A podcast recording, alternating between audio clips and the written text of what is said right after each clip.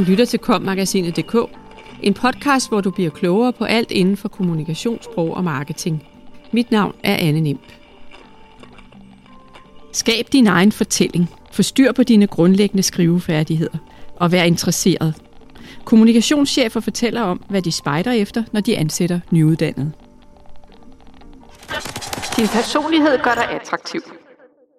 At lande sit første job kan virke som en uoverskuelig opgave, når man er nyuddannet og har svært ved at fylde et CV ud med erhvervserfaring.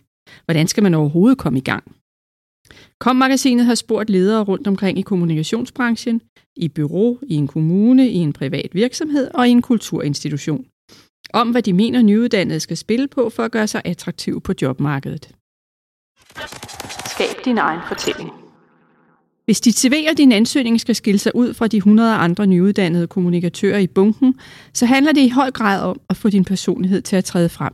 Det fremhæver både Lise Korsgaard, der er kommunikationschef og vicedirektør hos Statens Museum for Kunst, og Ralf Lodberg, der er CCO og partner hos Advice, når de fortæller om, hvad de vægter højt hos nyudklækkede kommunikatører. Hvad er fortællingen om dig som menneske? Hvad interesserer dig? Hvad banker dit hjerte for? Det er ikke lige meget, hvilken fortælling det er, men det handler først og fremmest om, om jeg kan smage det her menneske, siger Lise Korsgaard. Det er vigtigt for at få fremhævet sammenhængen i de erfaringer, du har legnet op på serveret. Det er derimod ikke så vigtigt ifølge Lise Korsgaard, om det er lønnet eller ulønnet arbejde, der står på. Så længe man viser, at man virkelig brænder for noget, mener hun. Selvfølgelig vil det altid være en fordel, at du har arbejdet med kunst og kultur, hvis du søger ind til os. Men bare det, at man kan mærke drive og engagement, det at man har et eller andet særkende, det tror jeg, at denne her røde tråd er afgørende vigtig for. At man får den fornemmelse, og at man ikke bliver alt for fragmenteret i de ting, man laver, forklarer Lise Korsgaard. Hvis man søger mod byråbranchen, er det også afgørende at få markeret sin personlighed og sit drive i ansøgningsprocessen. I hvert fald, hvis det bureau, man søger mod, hedder Advice. Jeg læste engang en fantastisk ansøgning fra en person, som vi også endte med at ansætte. Hun skrev, at hun havde cyklet forbi vores vindue nogle gange, og så havde hun kigget ind og tænkt, at vi så lidt underlige, men spændende ud, fortæller Ralf Lodberg og fortsætter. Så skrev hun også, at hun cyklede rundt i en Che Guevara-t-shirt, og den havde hun sådan set stadig nogle gange på. Men hun kunne også godt finde på at trække en skjorte ud over den. Hun fik altså lavet et mægtigt sjovt, sprogligt billede, som viste en eller anden grundlæggende menneskelig nysgerrighed, som gjorde, at hun ikke behøvede at skrive, at hun var målrettet og ambitiøs og bla bla bla. Alle de der floskler. Glem dem. De ødelægger det for dig. Han efterlyser hos især akademikerne, at de skal være bedre til at vise personlighed og kreativitet i ansøgningerne. Jeg synes, at de akademiske ansøgere kan lære vildt meget af de kreative. Når en nyuddannet kreativ fra de mere håndværksmæssige fag kommer til os, har han eller hun altid lavet en portfolio med super fede ting, de har lavet.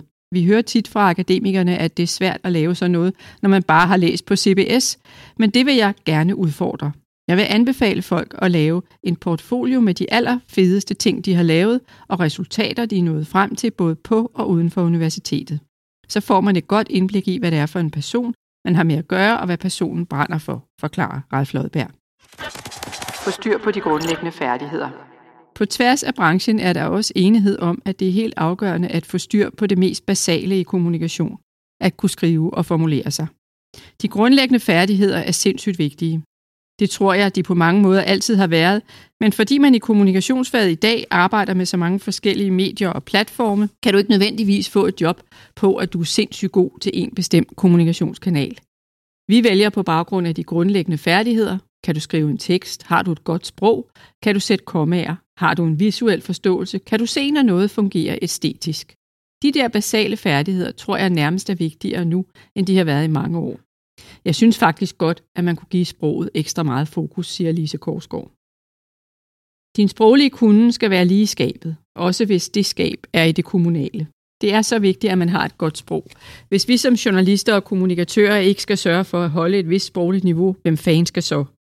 Hvis man skal have et job som nyuddannet, skal man være velskrivende og vise, at man er i stand til at arbejde på flere forskellige platforme, at man har gode idéer, og i det hele taget få signaleret, at man er kreativ, fortæller Martin Skovmand, der er kommunikationschef i Tønder Kommune. Du kan ikke det hele på den halve tid. Når man er ny på markedet, kan det måske virke som om, man skal kunne alting i forvejen. Men det er der ingen grund til at lade som om man kan, ifølge de kommunikationschefer, kom magasinet har rådført sig hos. Tværtimod kan det godt betale sig at investere tid og energi i at specialisere sig. Brug din studietid på at følge dit hjerte og din interesse. Studer for andet end at gøre dig attraktiv for arbejdsmarkedet, for det er ikke altid arbejdsmarkedet ved, hvad det selv har brug for om nogle år.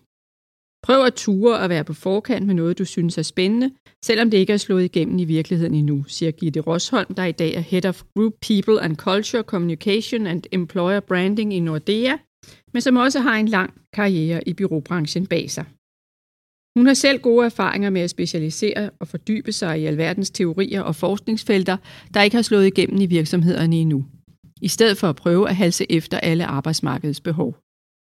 For mit eget vedkommende gjorde den naturlige interesse og lidenskab for faget nærmest af sig selv, at jeg fik en masse superrelevante erfaringer, uden at det var en strategisk karriereplan.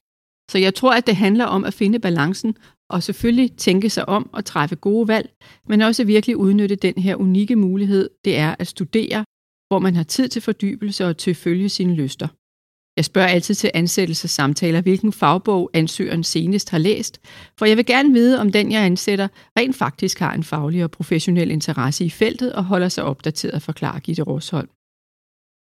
Også i byråbranchen giver det pote at fokusere og specialisere sig, hvis man spørger Ralf Lodberg. Hvis du søger ind til os, så vær specifik om, hvad du gerne vil arbejde med. En del af os er jo kommet ind i branchen, fordi vi gerne vil arbejde lidt med det hele, men det er ikke sådan, man får et job.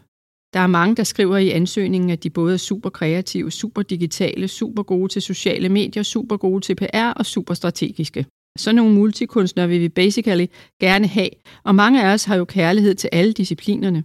Men det kommer bare til at virke ufokuseret, uforberedt, sløvt, hvis man taler om sig selv på den måde.